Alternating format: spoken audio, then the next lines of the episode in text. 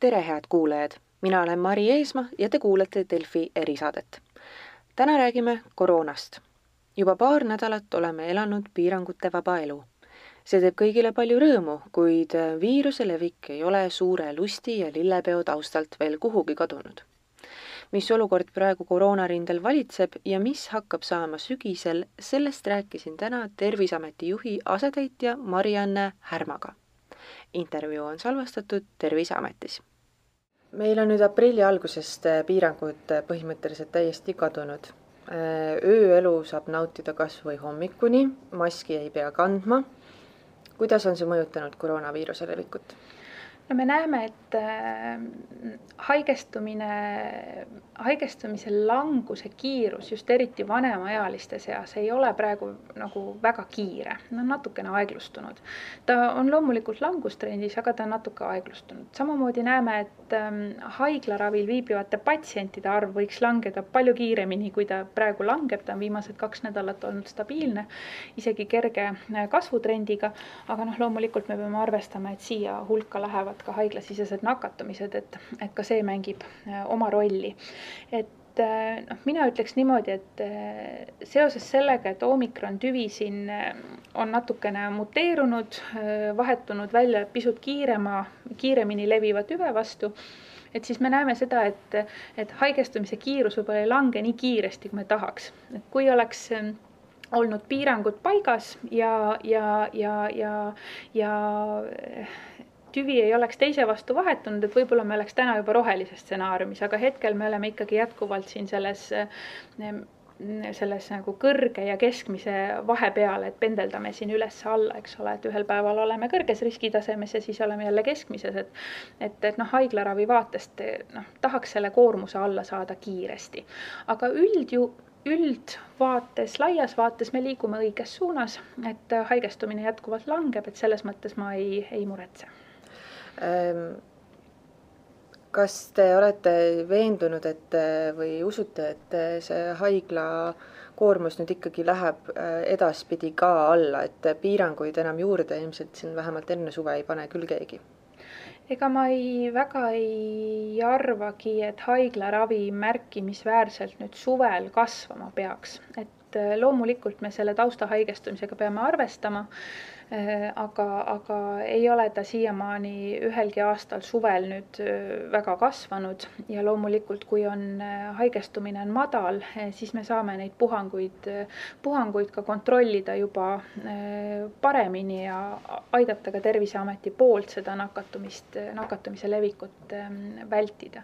küll aga peame valmis olema, et sügisel jah, taaskord hakkab ka haiglaravi vajadus kasvama, et, et see on paratamatu, meil on üsna üsna märkimisväärne osa vanemaealisi inimesi veel vaktsineerimata ja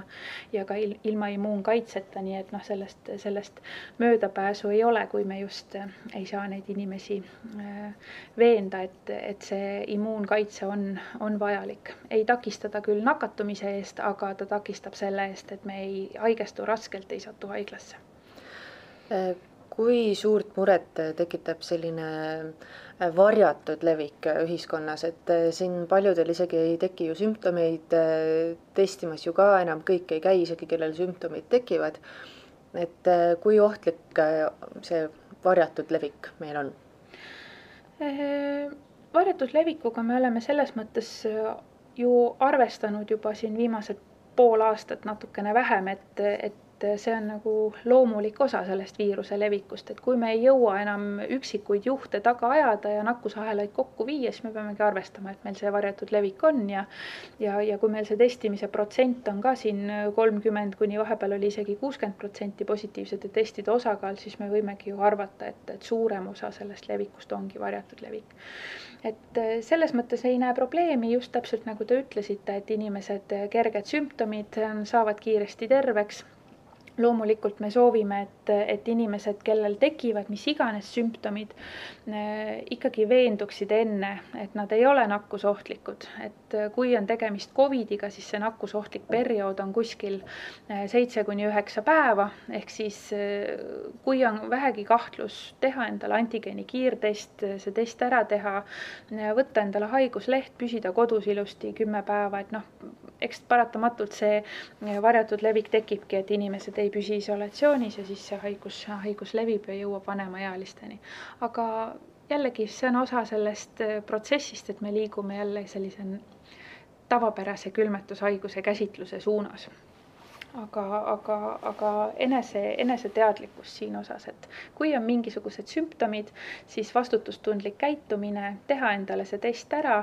püsida kodus, mitte käia äh, tööl, eriti kui on kollektiiv, kus on vanemaealisi inimesi või inimesed, kes e-, või töökaaslased, kes elavad vanemaealiste inimestega koos, et sellega peab arvestama, et ta läheb üsna kiiresti ja läheb nendeni, kes äh, ei tohiks seda viirust saada Ühendkuningriigis on levimas praegu uus äh, koroonatüvi omikron XE. Äh, mida me sellest teame ja kui suurt ohtu see võib meile kujutada? no hetkel me ei tea tast väga midagi, et tõepoolest ta levib, ta Ühendkuningriigis noh, tavapäraselt sellised uued tüved, mille kohta väga öelda ei noh, midagi öelda ei osata, nad hakkavadki levima just nendes riikides, kus on väga kõrge turism. ehk siis, kui on, kui on sellised turismi sõlmpunktid nagu äh, Itaalia ja Inglismaa ja meil siin Saksamaa ja teised, et, et, et et nendes piirkondades tavaliselt hakkab see, hakkavad need uued tüved kiiremini levima ja siis riikides, kus turismi väga tihedalt ei ole, nagu näiteks Eestis siis äh, tuleb ta pisut aeglasemalt. aga kuna tegemist on jah, niivõrd sellise uue äh, tüvega, siis selle raskusastme kohta või, või, või millised sümptomid on, et, et, et selle kohta veel ei osata midagi öelda, aga, aga esialgsed hinnangud vähemalt väga tõsiseks seda ei, ei, ei määratle Te ütlesite ise ka, et sügisel ilmselt haiglaravikoormus jälle tõuseb Äh, kuidas me saame sügiseks äh, valmistuda, kas ja kes äh, peavad tegema neljandaid vaktsiinidoose? No neljandatest vaktsiinidoosidest tegelikult äh, väga infot hetkel ei ole, et siin ei ole tulnud ka Euroopa Ravimiametilt soovitust ja Eesti Immunoprofülaktika Komisjon ei ole seda neljandate dooside küsimust veel arutanud. aga jah, selline ekspertide tasemel ikka äh, sellised äh, mõtte, mõttepõrgatused käivad ja, ja kirjutatakse ka artikleid ja arvamuslugusid, et noh, eks ta tõenäoliselt vanemaealistele inimestele, riskirühmade inimestele inimestele eh, sügise poole, siis kui on just nagu, eh, kui on sellest doosist kõige rohkem kasu, ehk siis selle viiruse hooaja, eh, viiruste hooaja alguses, on ta siis september, oktoober, kui siis hakkabki kollektiivne haigestumine kasvama ja samamoodi siis suurenevad riskid, et inimesed, kellel on immuunvastus juba nõrgem, et siis satuvad jälle haiglasse, et noh, siis selle põhjalt siis võikski öelda, et, et, et just vanemaealised Äh, need esiteks kindlasti peaksid vaktsineerima, kellel, kes ei ole veel üldse vaktsineerinud, aga, aga ka need siis, kellel on kolm doosi kenasti tehtud, et siis mingil hetkel võib see olla vajalik. lõpetuseks ma küsikski teilt, et äh, kui optimistlikud te olete selles osas, et et need, kes pole üldse veel vaktsineerima läinud või kellel on ainult üks doos tehtud, et nende hõlmatust äh, annaks veel kasvatada? ma arvan, et, et ega ma ülemäära optimistlik ei ole kui just ei tule mingisugust, äh, kui ei tule just mingisugust äh, paradigma muudatust selles lähenemises, mida me, mida me nende, mida me kasutame. et hetkel vähemalt nii palju, kui mina olen kõrvalt vaadanud seda vaktsineerimise korraldamist, siis üldiselt ikkagi see, see strateegia on üsna sarnane olnud, et me peame arvestama, et need, kes ei ole tänaseks vaktsineeritud, on väga eri, eri, eri põhjustega, miks seda ei ole, miks nad seda ei ole te teinud ja, ja, ja, ja selleks, et neid noh, nendele läheneda, siis see peabki olema väga selline eh, kas individuaalne just, aga üsna selline põhjusespetsiifiline, et teadma, miks see inimene ei ole ja siis valimagi vastava lähenemistee, eh, kuidas siis inimesele, eh, kuidas siis inimest veenda, inimesega rääkida. et et, et ma arvan, et lihtsalt, lihtsalt öelda, et nüüd on vaja, et, et, et tõenäoliselt selline asi enam ei tööta. head kuulajad, selline sai tänane Delfi erisaade. aitäh, et kuulasite ja kuulmiseni